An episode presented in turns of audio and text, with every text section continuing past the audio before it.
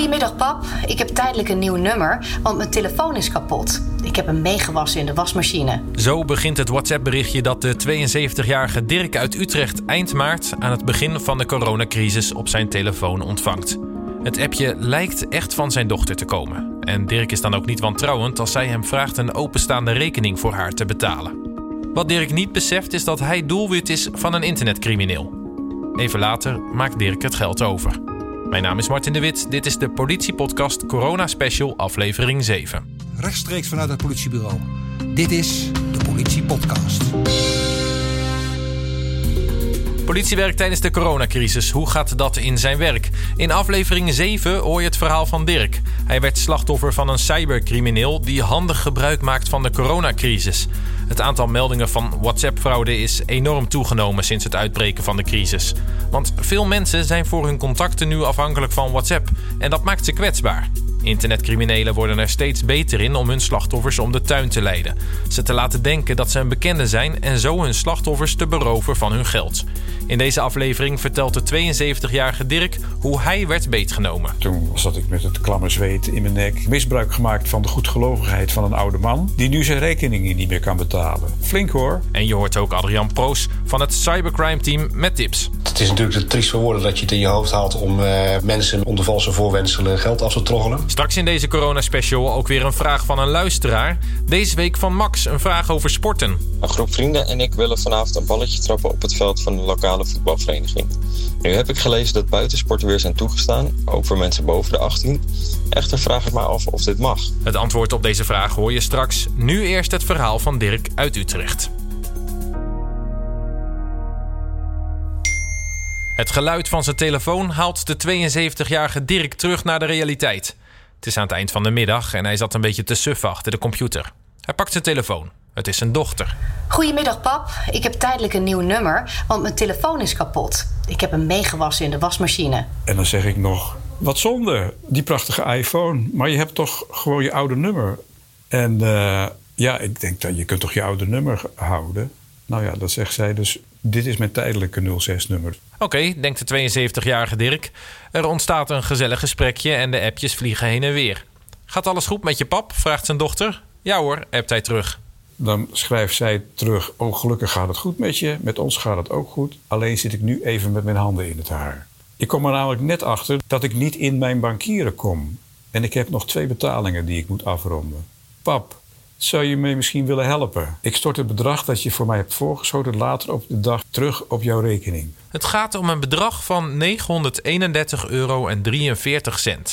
Eigenlijk heeft hij het niet, maar natuurlijk zegt hij ja. Het is zijn dochter. Met zijn creditcard moet het lukken.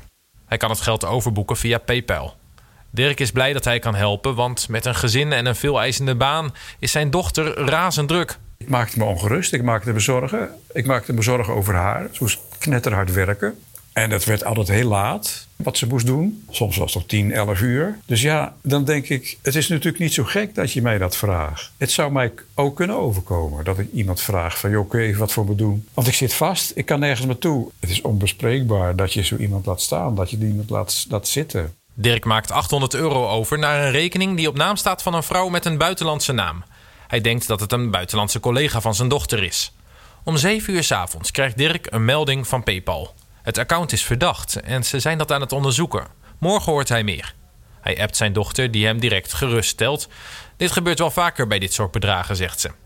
Toch zit het hem niet lekker. Hij kijkt naar zijn telefoon. Ineens vallen hem de vele taalfouten op in de berichtjes van zijn dochter.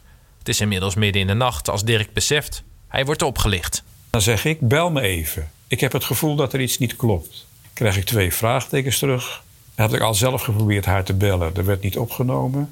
Je bent mijn dochter niet, zeg ik dan op een gegeven moment. Dus ik wil mijn geld terug. Hoe kom je daarbij, pap? Ik ben het. Hoe heet je dan, zeg ik. En dat is twee uur vier en om twee uur elf hoorde ik nog niks terug. Ja, toen zat ik met het klamme zweet in mijn nek. Uh, 800 euro uh, ten onrechte. En dan zeg ik nog misbruik gemaakt van de goedgelovigheid van een oude man... die nu zijn rekeningen niet meer kan betalen. Flink hoor. Dirk meldt de situatie bij de bank en hoopt dat hij zijn geld niet voor goed kwijt is. Hij vindt het stom van zichzelf. Er wordt veel voor gewaarschuwd en hij let altijd goed op. Maar nu is hij er wel ingetuind. Hoe kan dat nou? Ik was heel erg geschrokken en ik baalde heel erg. Ja, het, het is meer onbegrip hoe dat, hoe dat mogelijk is. Ik heb al een keer eerder eh, zo- zoiets gehad, eh, maar dan was ik, dan was ik eh, niet ingetrapt. En toen heb ik direct de bank gebeld en zeg ik wil een nieuwe creditcard. Want ze zitten achter mijn creditcard aan. Dat was ook zoiets. Dat was zo'n phishing mail. Dirk is niet de enige die de laatste maanden benaderd is door een zogenaamd familielid. Adrian Proos werkt voor het cybercrime-team van de politie Midden-Nederland. Hij ziet steeds vaker gevallen van WhatsApp-fraude, ook wel vriend in noodfraude genoemd. Nou, wat we vaak zien, eigenlijk eh, bij eh, het overgrote deel van de zaken die, wij, die bij ons bekend zijn, waar mensen aangifte van gedaan hebben, is dat er eh, via WhatsApp, dat is wel het meest gangbare platform, mensen een bericht krijgen, het slachtoffer een bericht krijgt met wat eigenlijk voornamelijk begint met hoi pap, hoi mam, of hoi broer, hoi, zoon, iets dergelijks. Ik heb een nieuwe telefoon. Mijn oude telefoon is eh, in het water gevallen, is eh, gestolen. Eh, dus er wordt smoes bedacht rondom eh, het nieuwe nummer waarmee contact wordt opgenomen. Eh, en dan gaat men eigenlijk vrij snel over tot... ik zit even met een betalingsprobleem of ik moet morgen deze rekening betalen. Zou je dat even voor me voor willen schieten? Ik betaal het daarna zo snel mogelijk eh, terug. Ja, dat is eigenlijk wat we voornamelijk eh, zien. Cybercriminelen hebben het vooral gemunt op 50-plussers. Volwassenen die zelf volwassen kinderen hebben. Want de vriend in nood is vaak een volwassen zoon of dochter van het slachtoffer. De criminelen gaan geraffineerd te werk. Het is natuurlijk te triest voor woorden dat je het in je hoofd haalt om eh, mensen onder valse voorwenselen geld af te troggelen. En dan ook je nog eh, voor te doen als, eh, als een familielid wat, wat vertrouwd wordt. Ja, dat, dat vind ik weerzinwekkend. Dat je dat überhaupt in je hoofd haalt, daar begrijp ik helemaal niks van. Eh, en zeker ook eh, het, het, het feit dat mensen mogelijk misbruik maken van de coronatijd. waarin toch eh, veel wat oudere mensen ja, wellicht wat, wat minder sociale contacten hebben. Dat daarop ingespeeld wordt. Ja, dat is weerzinwekkend. Adriaan merkt dat slachtoffers zich soms schamen voor wat er gebeurd is. Maar volgens hem is dat echt niet nodig. De daders zijn professionals die vaak echt studie hebben gedaan naar hun slachtoffer om hem of haar zo goed mogelijk in de val te lokken. Nee, het is erg lastig te onderscheiden. Natuurlijk, eh, achteraf gezien eh, zul je denk ik als slachtoffer het gevoel hebben van hoe heb ik zo stom kunnen zijn. Maar deze personen, deze verdachten of deze mensen die dat, eh, dat soort dingen doen, die bereiden zich daar natuurlijk ook eh, goed op voor. Die spelen echt op het gevoel in eh, van mensen. Vaak zijn de slachtoffers ook wel gesocial engineerd eh, van tevoren. Wat wil inhouden dat, ze, dat de verdachte in ieder geval wat onderzoek heeft gedaan naar de omstandigheden van de slachtoffers. familieleden in kaart gebracht heeft. En dan ook zogenaamd namens een familielid, een zoon of een dochter, contact opneemt. Ik kan me voorstellen dat mensen het gevoel achteraf hebben van hoe heb ik zo dom kunnen zijn. Wij vinden het in ieder geval niet, eh, niet dom, zeker niet. Gelukkig zijn potentiële slachtoffers niet weerloos tegen de cybercriminelen. Je kunt met één makkelijke handeling voorkomen dat je slachtoffer wordt. Wat altijd goed is, op het moment dat iemand je benadert eh, met een, telefoonnummer wat jou onbekend is. eh, en men geeft aan dat het zoon of dochterlief is. Dan doe, je- doe je er altijd goed aan om even op het oude nummer, wat bij jou bekend is, te controleren. en het liefst te bellen. Dus echt iemand persoonlijk te woord eh, te staan. eh, of het klopt dat er met een nieuw nummer eh, is gebeld. Daarmee voorkom je denk ik het overgrote deel van de problemen. Het kan natuurlijk zijn dat iemand niet direct bereikbaar is, op, wat voor reden dan ook. Maar een betaling doen binnen een uur of op dezelfde dag. Ja, dat kan vaak toch nog wel even wachten. Dus het is echt noodzakelijk dat mensen contact opnemen met degene die zegt dat hij is. Om te verifiëren of het klopt, het bericht wat je hebt gekregen. Ja, we zien ook wel eens dat, dat mensen eh, het nummer bellen waarmee contact wordt opgenomen. Dus het, het valse nummer eigenlijk. Eh, dus dat mensen toch wel een gezonde argwaan hebben. eh, en toch even willen eh, spreken of eh, nou ja, beeldbellen of wat voor manier dan ook. eh, om even te verifiëren of het wel klopt. En via de aangifte zien we eigenlijk dat daar altijd wel weer een smoesje tegenover staat. waarom even niet opgepakt kan worden of waarom het dan niet gedaan kan worden. Ehm, en er wordt dan door de criminelen ook echt wel op het gevoel gespeeld van, eh, van mensen. Ja, waardoor ze dan uiteindelijk toch overstag eh, gaan. Dus ook al heb je een gezond eh, wantrouwen en controleer je het, dan nog zien we wel dat mensen af en toe nou ja, toch bewogen worden om betalingen te doen aan, aan criminelen. En mocht het je toch overkomen zijn, dan help je het cybercrime team enorm door aangifte te doen. Dat kan heel makkelijk tegenwoordig via politie.nl. Alle bescheiden, dus alle bankafschriften, WhatsApp-gesprekken, eh, zeker de WhatsApp-gesprekken niet wissen.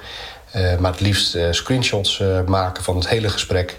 Uiteraard de bank bellen eh, en vragen of de betaling wellicht nog, eh, nog ergens hangt en dus teruggehaald eh, kan worden. Maar vooral de aangifte doen. Dat is voor ons het allerbelangrijkste. Nou, de politie doet er zeker wat aan. Er zit een flinke piek in, in dit feit. Dus er wordt ook landelijk wordt er zeker actie ondernomen. Elke aangifte voegen wij in het onderzoek waar wij op dit moment mee bezig zijn.